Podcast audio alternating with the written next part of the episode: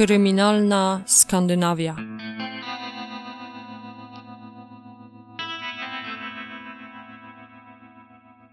Ten podcast zawiera opisy brutalnych przestępstw i może nie być odpowiedni dla małoletnich słuchaczy.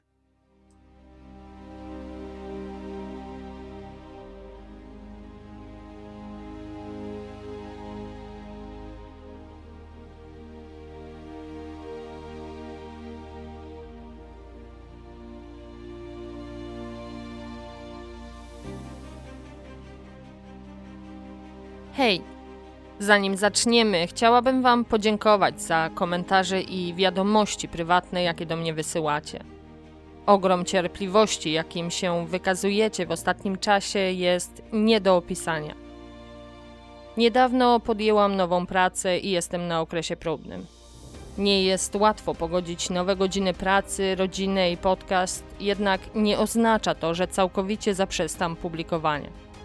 Jest jeszcze wiele spraw, o których chcę Wam opowiedzieć.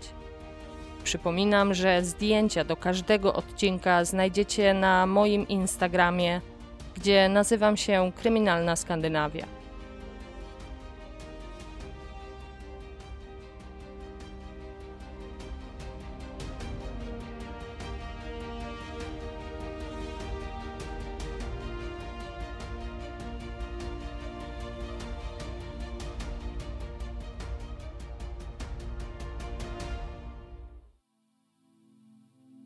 Jest 4 czerwca 2016 roku, godzina 5.23. Na numer alarmowy dzwoni 33-letni Martin i informuje, że niezwłocznie potrzebuje karetki.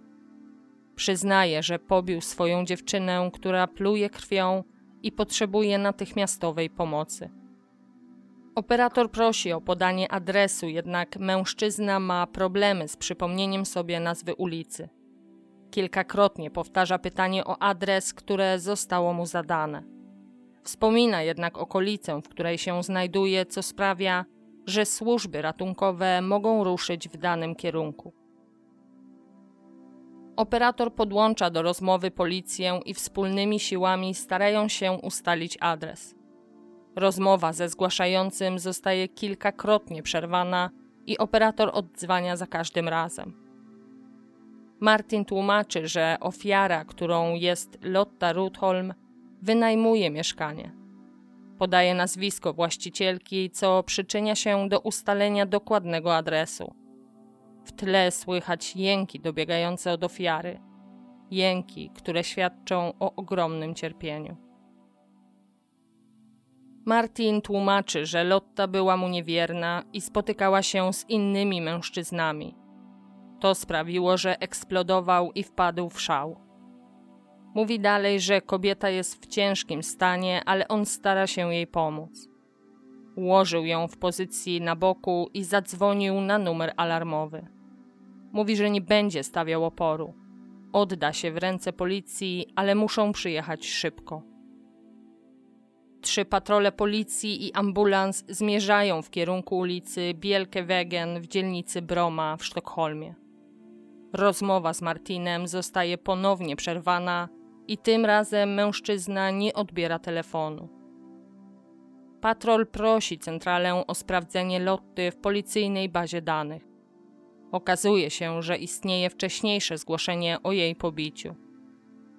Zaledwie kilka dni temu Lotta sama zgłosiła się na policję, oskarżając Martina o kilka przypadków pobicia i groźby. Operator zauważa jednak, że zgłoszenie zostało wycofane. O godzinie 5.36 na miejscu pojawiają się dwa patrole policji. Mundurowi Daniel i Linda jako pierwsi podbiegają do drzwi wejściowych białego budynku przy ulicy Bielkewegen. Bardzo szybko podjęta zostaje decyzja o rozbiciu szyby w drzwiach, by w ten sposób dostać się do klatki.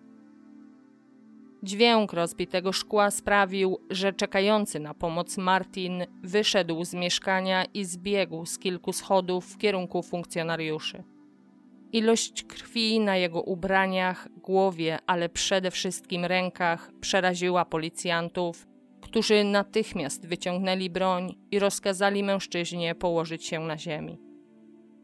Zatrzymanie Martina przebiega bez przeszkód, nie stawia on oporu. Wykrzykuje, że przyznaje się do pobicia i niczego się nie wyprze. Po zakłuciu go w kajdanki, Daniel i jego koledzy biegną do mieszkania Lotty.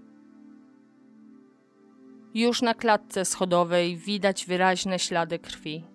Zakrwawione odciski stóp, jakie pozostawił za sobą Martin, prowadzą do salonu. Scena, jaka teraz ukazuje się policji, jest niczym z horroru. Niemal cały pokój jest pokryty krwią. Daniel podbiega do leżącej w pozycji bocznej Lotty.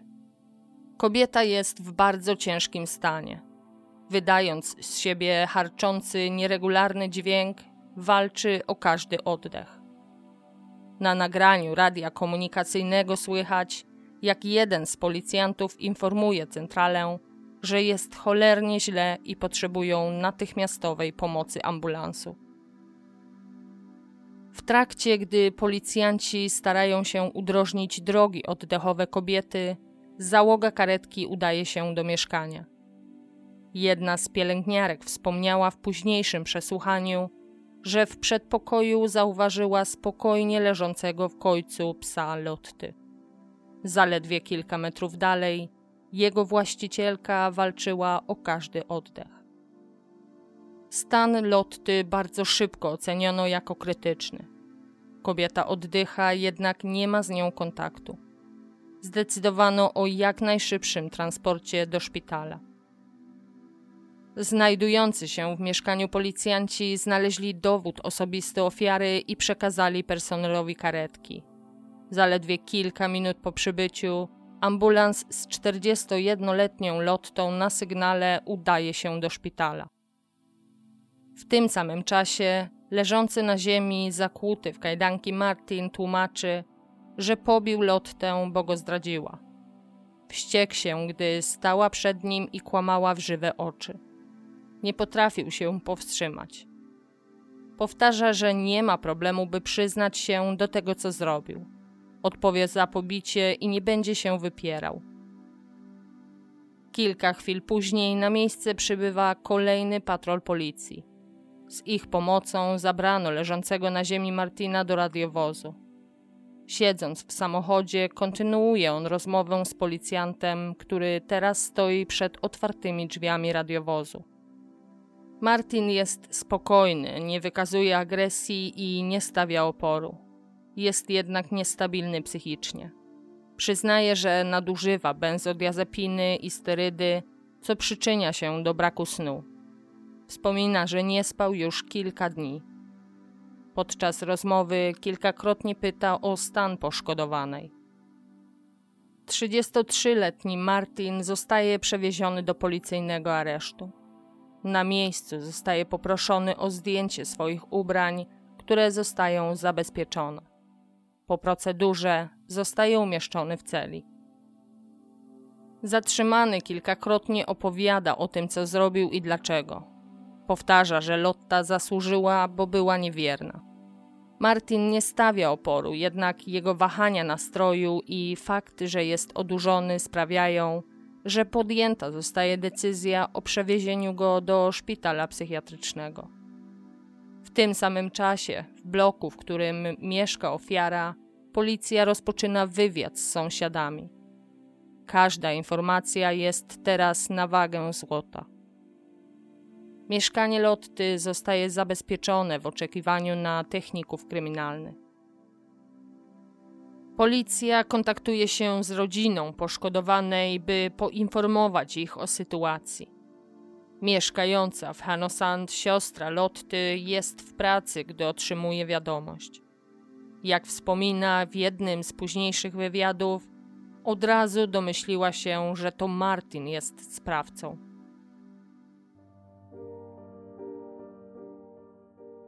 Jest 5 czerwca 2016 roku. Lotta nadal przebywa w śpiączce na oddziale intensywnej terapii. Lekarze oceniają jej stan jako krytyczny. Rodzina nieustannie czuwa przy kobiecie. Przyjaciółka poszkodowanej w późniejszym wywiadzie dla telewizji trzeciej opisała, że gdyby nie paznokcie, które Lotta niedawno malowała, nie poznałaby jej. Leżąca na łóżku szpitalnym kobieta miała zmasakrowaną i popuchniętą twarz, do tego stopnia, że była nierozpoznawalna.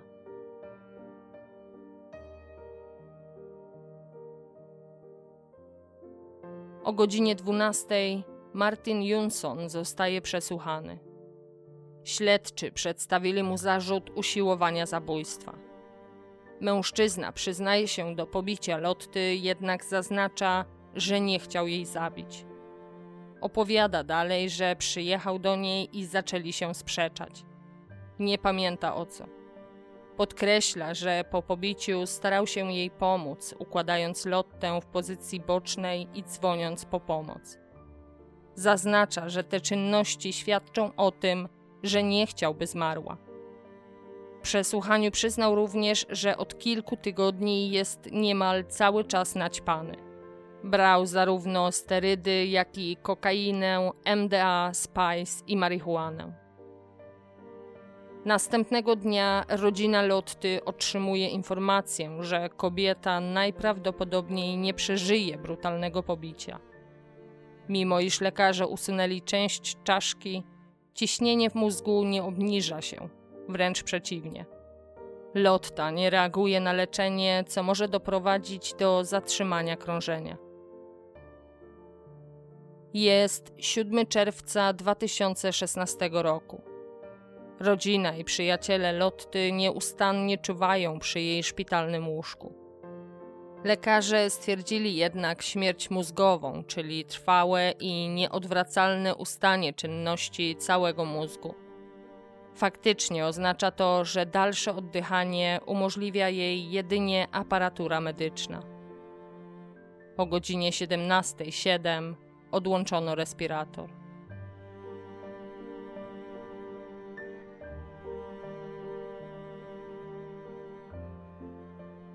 Lotta Rudholm urodziła się 9 sierpnia 1974 roku w Hanosand. W wieku 25 lat przeprowadziła się ze swoim chłopakiem do stolicy Szwecji. Większe możliwości pracy, jakie dawało życie w Sztokholmie, skusiły parę do zmian. Wspólnie kupili psa, który stał się największą miłością Lotty. Kilka lat po przeprowadzce rozstali się, jednak utrzymywali stały kontakt. Opiekę nad Eko, owczarkiem francuskim, sprawowali wspólnie. Lotta mieszkała sama w niewielkiej kawalerce w dzielnicy Broma. Prowadziła bardzo zdrowy tryb życia. Jej pasją był trening i regularnie pojawiała się na siłowni. Była również bardzo związana ze swoją rodziną utrzymywała stały kontakt ze starszymi siostrami. Bardzo często spotykała się z siostrzeńcami, którzy nazywali ją najlepszą ciocią na świecie. Największym marzeniem Lotty było jednak macierzyństwo. W grudniu 2015 roku zakończył się jej związek z mężczyzną, z którym była niemal 6 lat. Rozstanie wstrząsnęło 41-latką, która wiązała ogromne nadzieje w relacji z mężczyzną. Ból starała się zastąpić regularnym treningiem. W dokumencie radiowym Pietrie jej przyjaciółka wspomina, że Lotta rozważała możliwość sztucznego zapłodnienia, by w ten sposób zrealizować swoje marzenie o macierzyństwie. Plany były bardzo poważne, a przyjaciółka obiecała pomoc w wychowaniu dziecka. Lotta pracowała jako asystentka oraz doradca finansowy w szkole w centrum Sztokholmu. Od rozstania z chłopakiem była jednak na zwolnieniu lekarskim. Stopniowo starała się wrócić do pracy.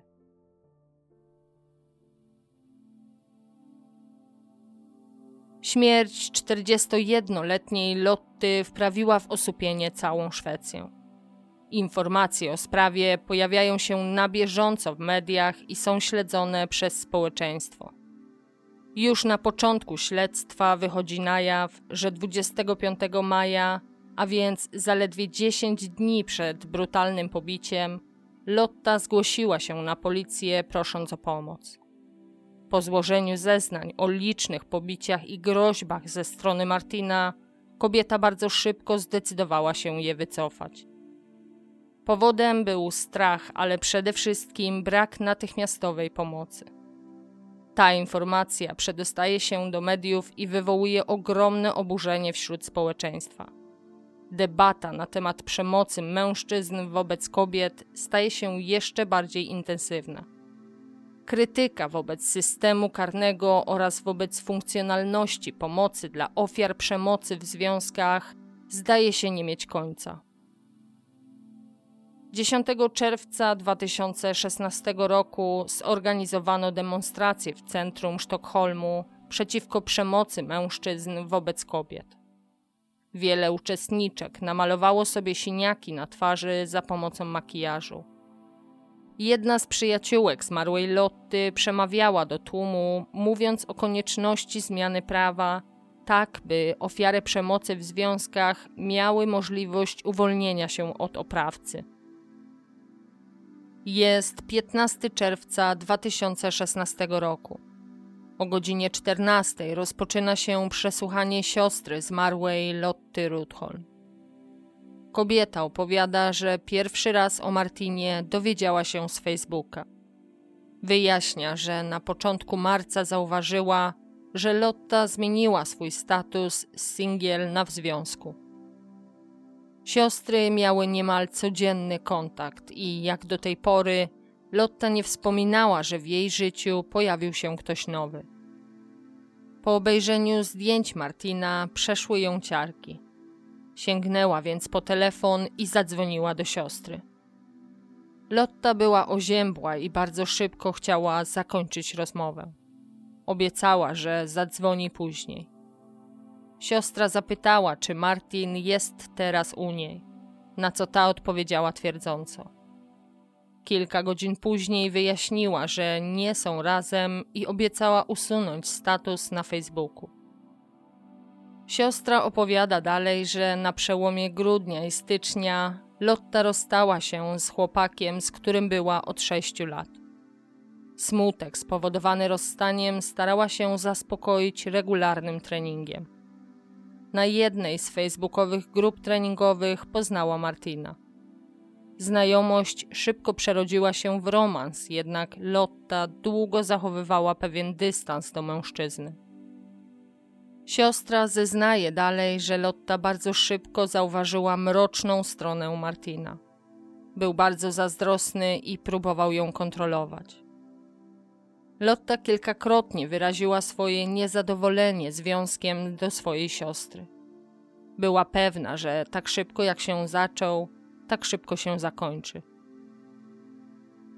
Zdarzało się, że gdy siostra dzwoniła do Lotty, ta zestresowana mówiła, że podczas trwania ich rozmowy Martin kilkakrotnie dzwonił i wysyłał SMSy, mimo iż doskonale wiedział, że rozmawia z siostrą.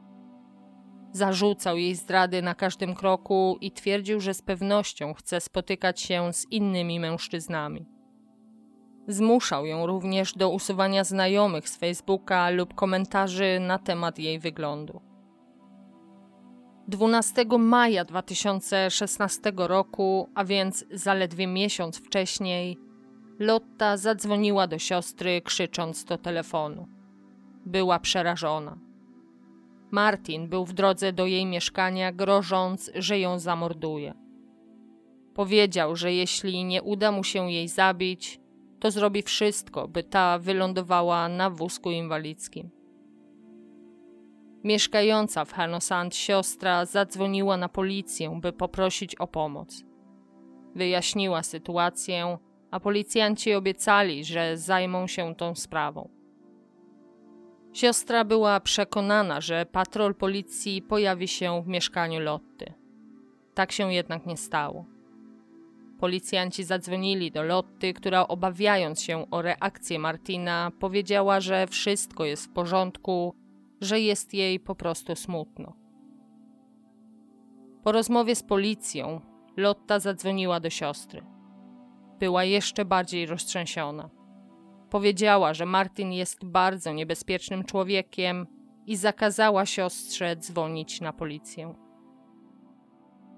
Zeznania pozostałych członków rodziny i przyjaciół są zbliżone do zeznań siostry. Lotta nie mówiła im całej prawdy o relacji z Martinem. Wiele faktów zdawała się ukrywać. Ułożenie spójnej historii o tym, jak naprawdę wyglądał związek Lotty i Martina, nie jest łatwym zadaniem dla śledczych.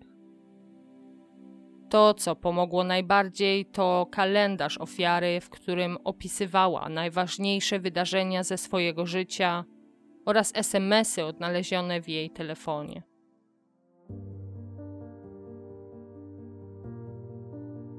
Lotta poznała Martina poprzez grupę treningową na Facebooku. Początkowo niezainteresowana mężczyzną, zgodziła się wypić z nim kawę. Było to 11 lutego 2016 roku. Po pierwszym spotkaniu Martin często pisał do niej i starał się utrzymywać kontakt. Zaskakiwał ją bukietami kwiatów i zasypywał komplementami. Lotta, która nadal w pamięci miała niedawne rozstanie z mężczyzną, z którym była niemal 6 lat, ostrożnie podchodziła do nowej znajomości. Czarujący i przystojny Martin nie poddawał się jednak i podczas jednego ze spotkań przyniósł jej 100 zdrapek loteryjnych. Trzy tygodnie po pierwszym spotkaniu na jej Facebooku pojawiło się uaktualnienie statusu związku. Siostra, która do tej pory nie miała pojęcia o istnieniu Martina, nie mogła uwierzyć własnym oczom.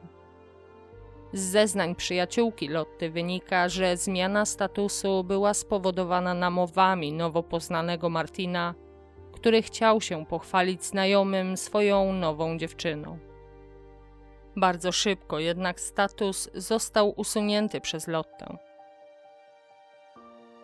Martin coraz częściej przebywał w mieszkaniu Lotty. Jej przyjaciółka początkowo była bardzo pozytywnie nastawiona do nowej sympatii. Z opowieści Lotty wynikało, że Martin jest 33-letnim, przystojnym i uroczym mężczyzną, z którym mogłaby ułożyć sobie życie i zrealizować marzenie o dzieciach. Po zaledwie trzech tygodniach znajomości Martin miał dostęp do konta Lotty na Facebooku. Mógł w ten sposób przeglądać jej prywatne wiadomości. Z opowieści przyjaciółki wiemy, że na prośbę Martina Lotta usunęła kilku mężczyzn ze swojej listy znajomych. Stopniowo spełniała życzenia mężczyzny, który okazał się być typem zazdrośnika. Jak tłumaczyła swojej przyjaciółce, nie chciała, by czuł, że ma powody do zazdrości. Gdy jednak zgodziła się, by miał dostęp do Facebooka oraz telefonu, Martin wyszukiwał nowe powody do wybuchów zazdrości.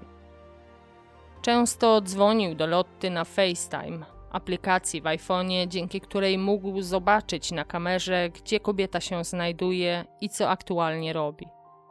Przyjaciółka wspomina, że raz gdy Lotta była u niej, Martin zadzwonił na FaceTime a Lotta pokazała mu całe mieszkanie, by udowodnić, że nie ukrywa się w nim żaden inny mężczyzna.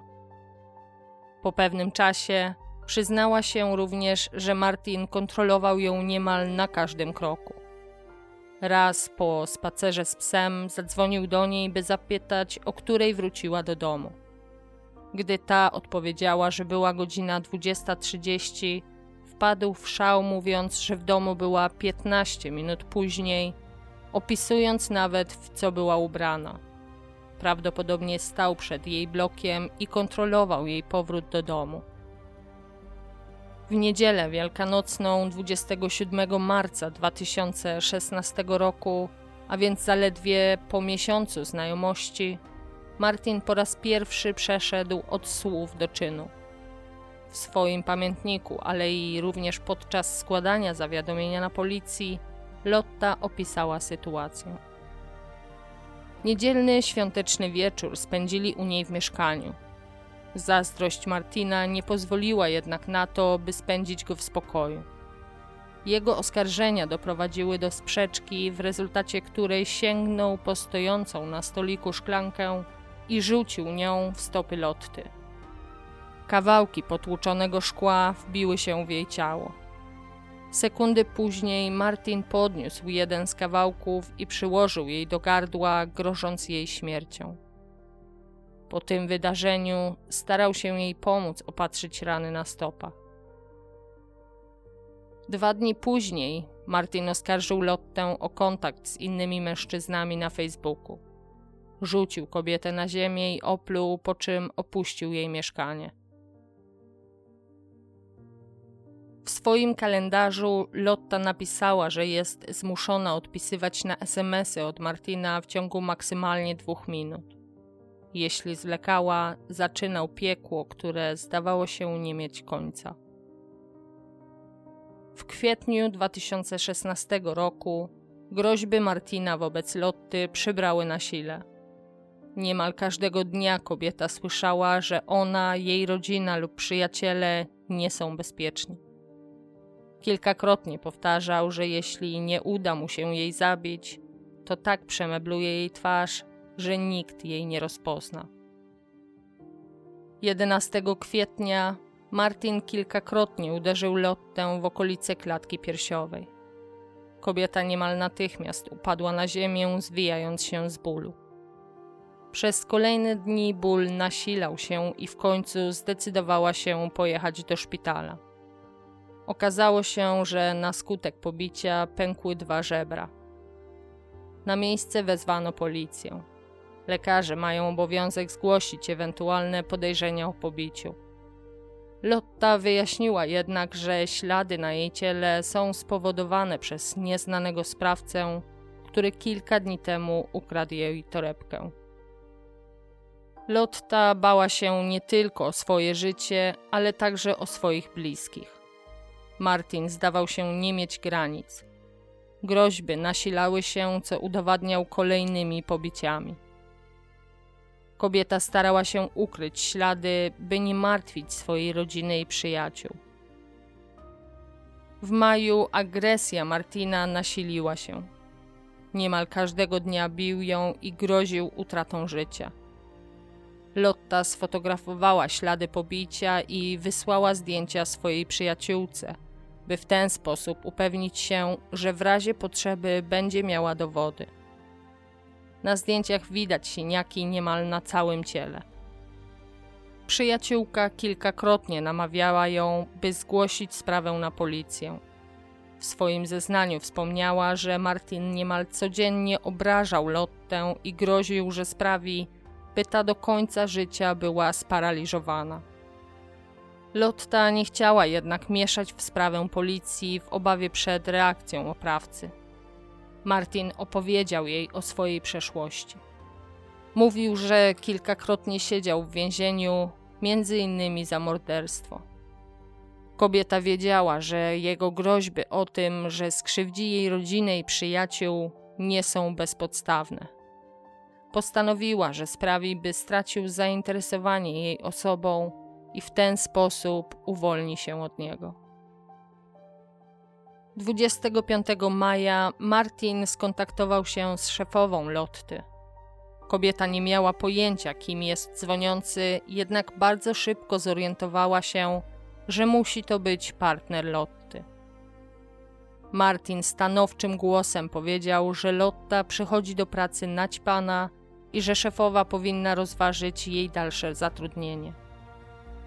Twierdził, że nadużywa kokainę i nie powinna w takim stanie przebywać pomiędzy dziećmi.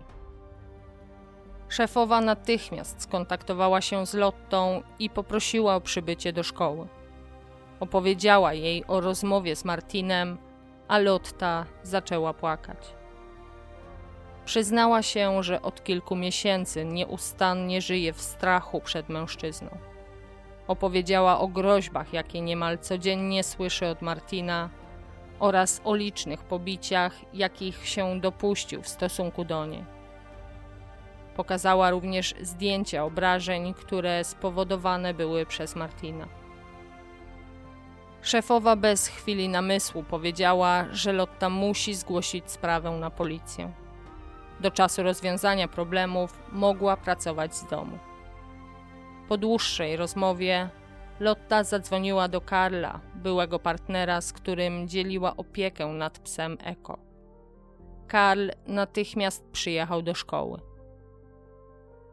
Cała trójka zdecydowała, że Lotta musi się ukryć i ograniczyć kontakt z Martinem. Sprawa musi również zostać zgłoszona na policję. Mężczyzna wydaje się nie mieć granic i nic nie wskazuje na to, by miał przestać katować 41-letnią Lottę. Karl zawiózł rozczęsioną kobietę do jej mieszkania, by zabrała kilka potrzebnych jej rzeczy oraz Eko. Lotta przyznała się, jak wygląda jej relacja z Martinem i opowiedziała o wszystkich pobiciach i groźbach, na jakie w ciągu trwania ich znajomości naraził ją mężczyzna. Po rozmowie zdecydowali się pojechać na posterunek policji. Przesłuchanie załamanej Lotty trwało ponad półtorej godziny. Kobieta opowiedziała w szczegółach o sytuacji, w jakiej się znajduje i o strachu, który nieustannie towarzyszy jej, odkąd poznała 33-latka. Zgłoszenie przyjęto z największą powagą i zdecydowano się wydać nakaz zatrzymania Martina. Po złożeniu zeznań, Lotta wróciła z Karlem do jego mieszkania. Następnego dnia niecierpliwie czekała na telefon od policji. Kilkakrotnie wspominała do siostry, że nie wie, co ma robić. Myślała, że natychmiast uzyska pomoc i wsparcie, a tymczasem jej sprawa zdawała się przeciągać. Obawiała się, że Martin dowie się o zgłoszeniu i zanim zostanie zatrzymany, odnajdzie ją i zabije. Cały dzień Lotta starała się znaleźć bezpieczne miejsce, w którym będzie mogła się ukryć. Jedna z organizacji pomocy kobiet zaproponowała jej lokum, jednak zaznaczyli, że nie będzie mogła zabrać ze sobą Eko. Dla Lotty pies był najważniejszą częścią jej życia, dlatego odmówiła. W ciągu dnia Lotta doczekała się telefonu od policji. Rozmowa była jednak bardzo krótka. Poinformowano ją, że nie ma możliwości, by dostała ochronę. Po godzinie 14 udała się na posterunek. Czuła, że zgłoszenie nie pomogło jej rozwiązać sytuacji, w jakiej się znajduje. Opowiedziała o swoich obawach i przyznała, że zastanawia się nad wycofaniem zgłoszenia. Ostatnie godziny nie przyniosły nic poza jeszcze większym strachem. Po tej rozmowie wróciła do Karla. Wieczorem tego samego dnia patrol policji udał się do Lotty. Starali się porozmawiać z kobietą, która rozważała możliwość wycofania zgłoszenia. Lotta ponownie otworzyła się przed policjantami i powtórzyła swoje obawy. Martin ma wielu znajomych, którzy mogliby ją skrzywdzić, gdyby ten trafił do aresztu. Mówi dalej, że dziś nie odezwał się do niej, co może oznaczać, że sobie odpuścił i zostawi ją w spokoju.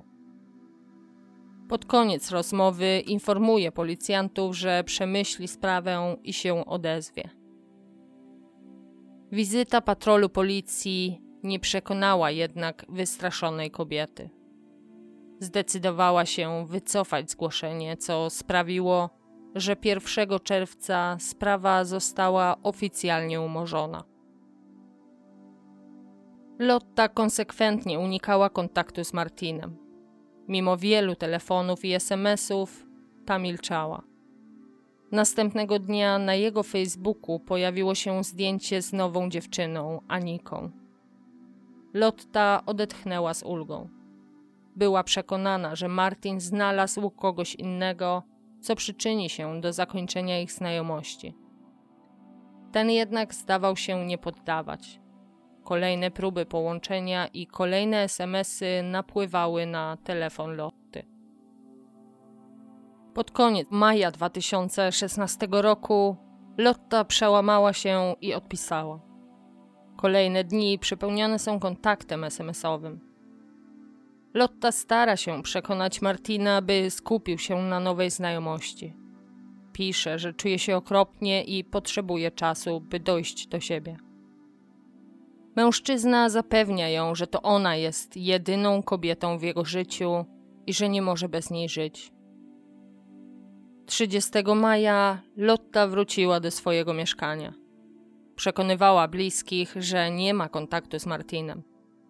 Wróciła również do pracy. W rzeczywistości kontakt SMS-owy z mężczyzną był nieustanny.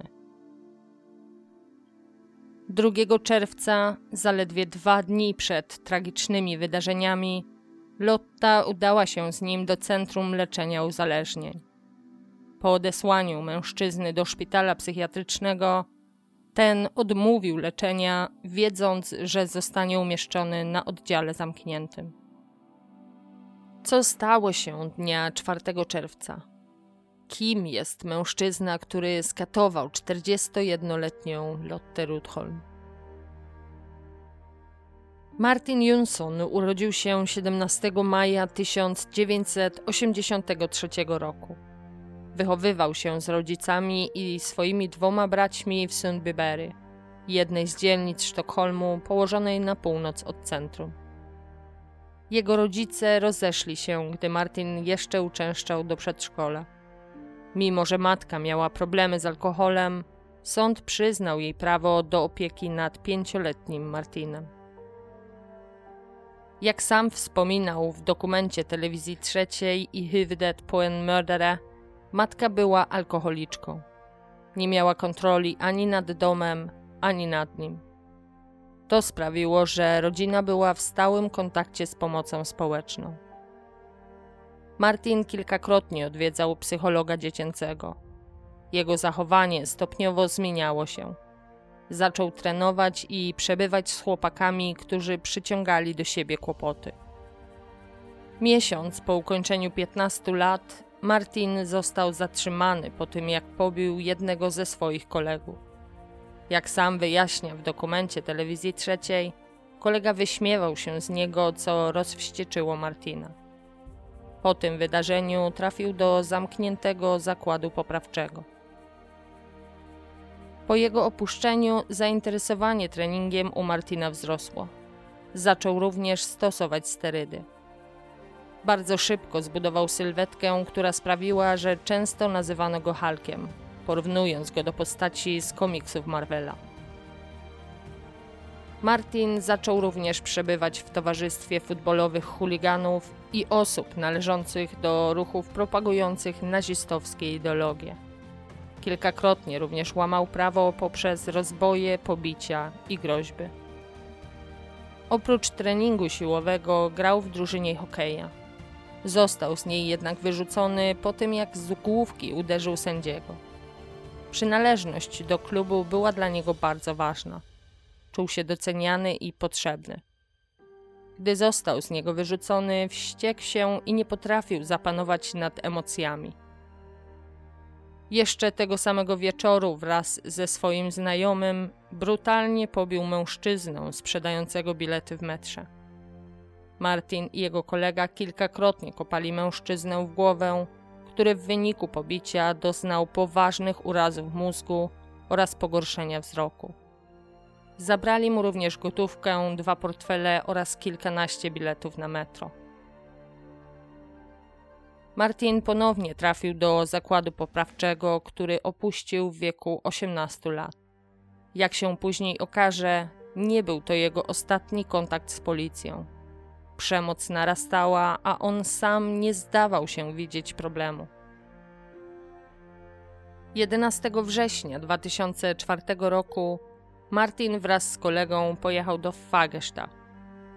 Po odwiedzeniu znajomych i burgerze w pobliskim food trucku zdecydowali się wrócić do domu. Była niemal trzecia w nocy. Zjeżdżając na drogę główną, zatrzymali się i wysiedli z pojazdu.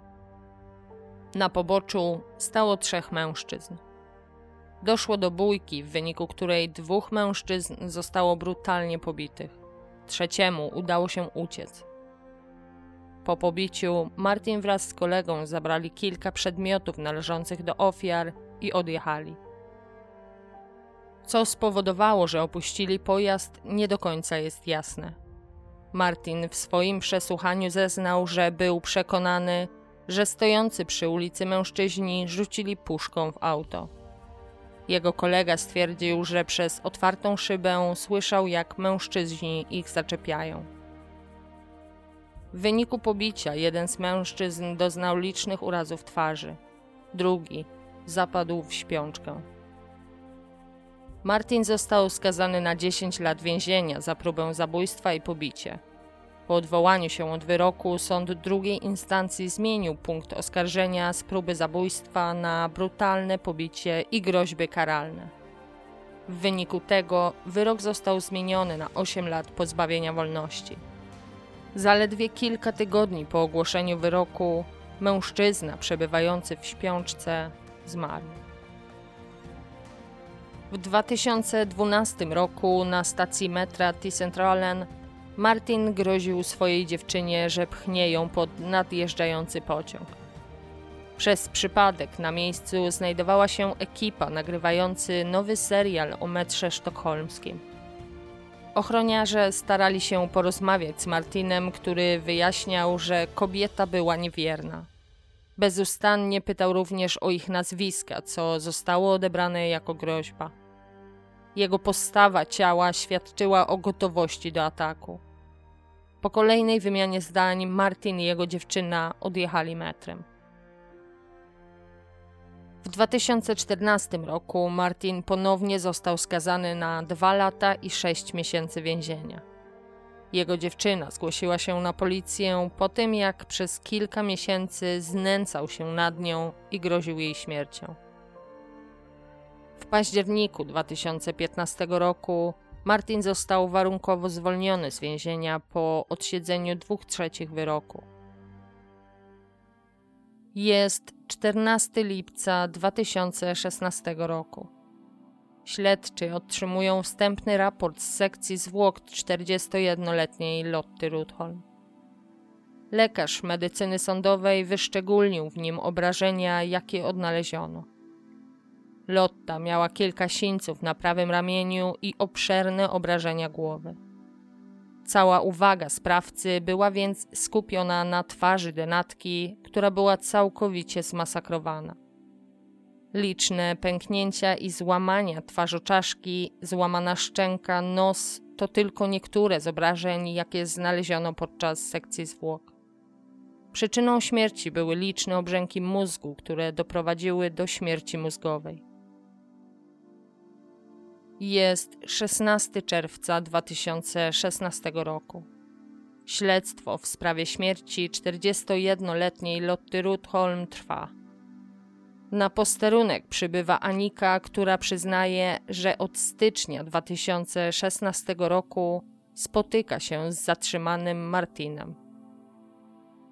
Anika opowiada, że poznała go na Tinderze. Pod koniec stycznia spotkali się po raz pierwszy.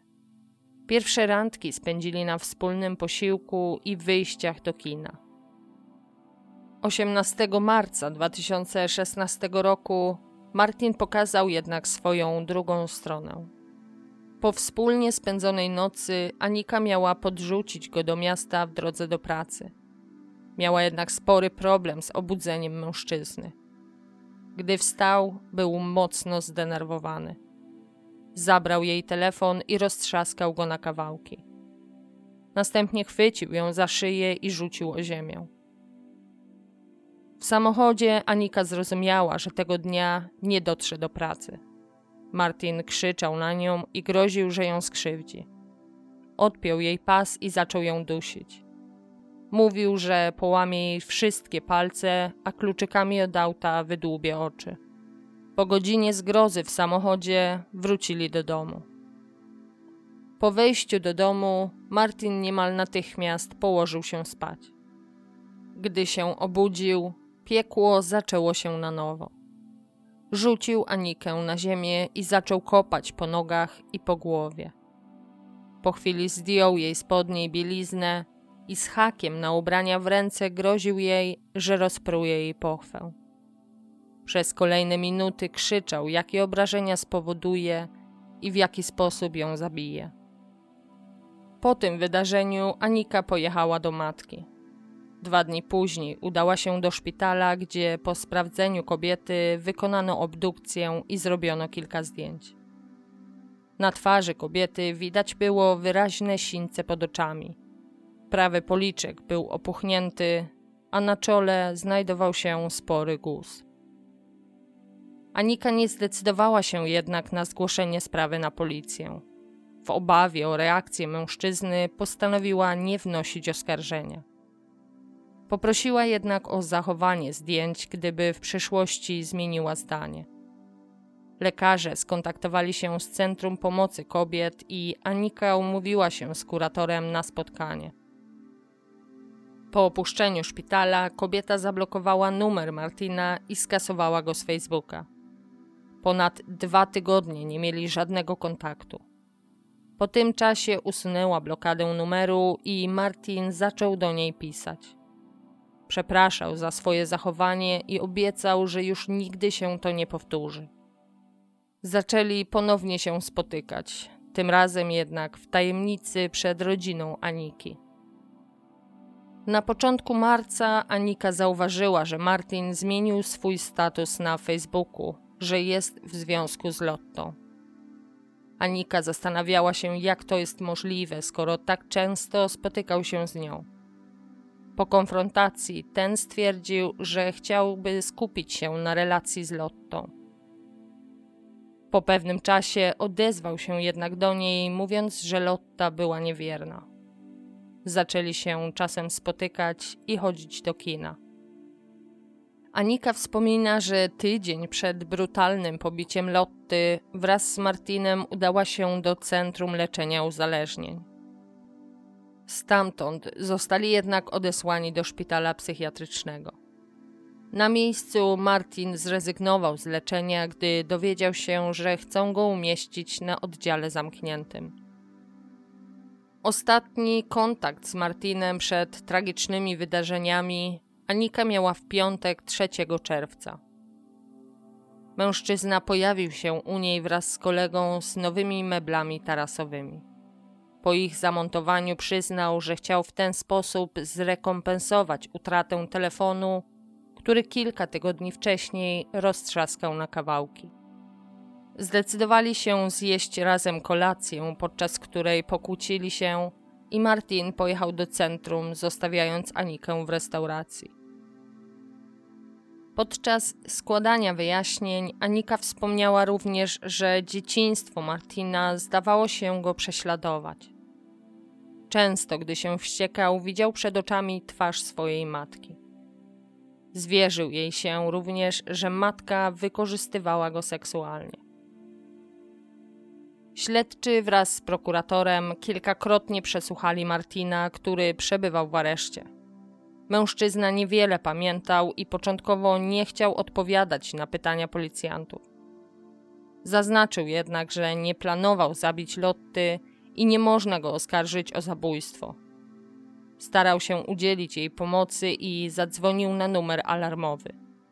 Śmierć kobiety, według aresztowanego, była wynikiem nieświadomego działania. Martin opowiedział, że po wizycie u Aniki pojechał do centrum, do jednego z pubów. Po jego zamknięciu udał się z nowo poznaną kobietą do klubu nocnego. Po godzinie trzeciej zamówili taksówkę i pojechali do Trongsund, gdzie znajomi Martina mieli domówkę. O wpół do piątej opuścili imprezę i kolejną taksówką pojechali w stronę miasta. Kobieta wysiadła w pobliżu swojego domu, a Martin poprosił kierowcę, aby zawiózł go do mieszkania Lotty.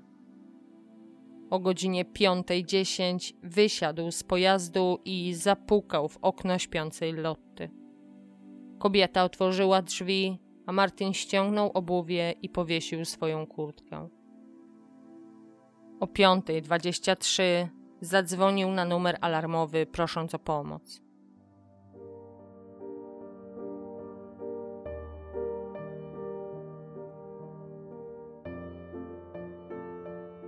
22 lipca 2016 roku w Hanosand, miejscowości, w której Lotta Rutholm dorastała, odbył się jej pogrzeb. Przed ceremonią otwarto kaplicę, by każdy, kto chciał pożegnać 41-latkę, miał taką możliwość. Podczas ceremonii słynna szwedzka artystka Karola zaśpiewała piosenkę Gdy opadają liście. 6 października 2016 roku rozpoczął się proces przeciwko Martinowi Junson. 33-latek został oskarżony o zabójstwo, naruszenie nietykalności cielesnej, pomówienie i posiadanie narkotyków. Podczas procesu wysłuchano zeznań rodziny Lotty, jej przyjaciół, byłego partnera oraz jej pracodawcy. Wynikało z nich, że Lotta, która niewątpliwie darzyła oskarżonego sympatią, jednocześnie żyła w ciągłym strachu przed nim. Prokurator udowodnił, że podczas krótkiego związku z Martinem Lotta ponad 15 razy odwiedziła szpital i psychiatrię, by opatrzyć rany zarówno fizyczne, jak i psychiczne spowodowane przez mężczyznę. Na świadków wezwano również personel karetki, policję, techników kryminalnych i lekarza medycyny sądowej. Ich opowieść poruszyła wszystkich, którzy śledzili sprawę i sprawiła, że nie było żadnych wątpliwości co do winy oskarżonego. 23 października zapadł wyrok. Martin Junson został skazany na karę dożywotniego pozbawienia wolności. Martin odwołał się od wyroku. Według obrony oskarżony nie dopuścił się zabójstwa, a nieumyślnego spowodowania śmierci poprzez pobicie. Zaznaczono, że Martin sam przerwał bicie, zaalarmował służby i starał się udzielić kobiecie pierwszej pomocy. To musiało być uznane jako okoliczności łagodzące. Sąd apelacyjny zmienił wyrok na 18 lat pozbawienia wolności. Oznacza to, że Martin może zostać zwolniony po 12 latach, a więc w roku 2029. Rok po ogłoszeniu wyroku zakończyło się wewnętrzne śledztwo policji. Celem było sprawdzenie zgłoszenia Lotty, które wpłynęło na policję zaledwie kilka dni przed jej śmiercią. Błąd w komunikacji, brak próby odnalezienia i zatrzymania mężczyzny oraz brak natychmiastowej pomocy ofierze to tylko niektóre z błędów, jakie popełniono w tej sprawie. Martin Junson był notowany wielokrotnie i przebywał na zwolnieniu warunkowym. Po wizycie Lotty na komisariacie powinien zostać niezwłocznie zatrzymany do wyjaśnienia sprawy. Tak się jednak nie stało. On sam nie miał nawet pojęcia o tym, że Lotta była na policji. Wielu twierdzi, że prokurator, który zdecydował się umorzyć sprawę, również pośpieszył się z tą decyzją. Mógł bowiem, nawet bez udziału Lotty, wnieść tak zwane oskarżenie publiczne. Sprawa Lotty Rutholm wywołała debatę o pomocy, jaką uzyskują ofiary przemocy partnerskiej, ale i również na temat prawa obowiązującego w Szwecji. Grupa ekspertów zaangażowała się w walkę o prawa ofiar oraz w próbę zmiany prawa. Walkę, która nadal trwa. Według statystyk w Szwecji co roku średnio 17 kobiet umiera z rąk partnera. W roku 2021 19 osób zostało zabitych przez sprawców, z którymi łączyła ich bliska relacja. 15 z nich stanowiły kobiety.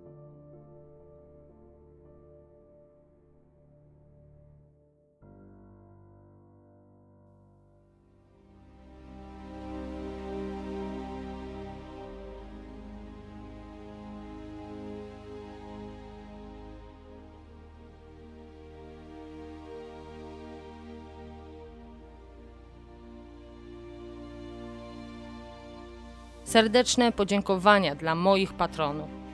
Wasze wsparcie pomaga mi w dalszym tworzeniu podcastu. Ten odcinek powstał dzięki Justynie Rafałowi Magdalenie, Joannie Emcio Małgorzacie, Marcinowi Michałowi Paulinie, Miłoszowi Adriannie Łukaszowi, Marii Sebastianowi Brygidzie, Ewie Wandzie Kamilowi, Aleksandrze Maćkowi Monice, Mai Rings of Saturn Katarzynie, Marysi Karolowi Mani, Soni oraz grafikowi Michałowi, który pomógł mi polepszyć tą część podcastu. Do usłyszenia.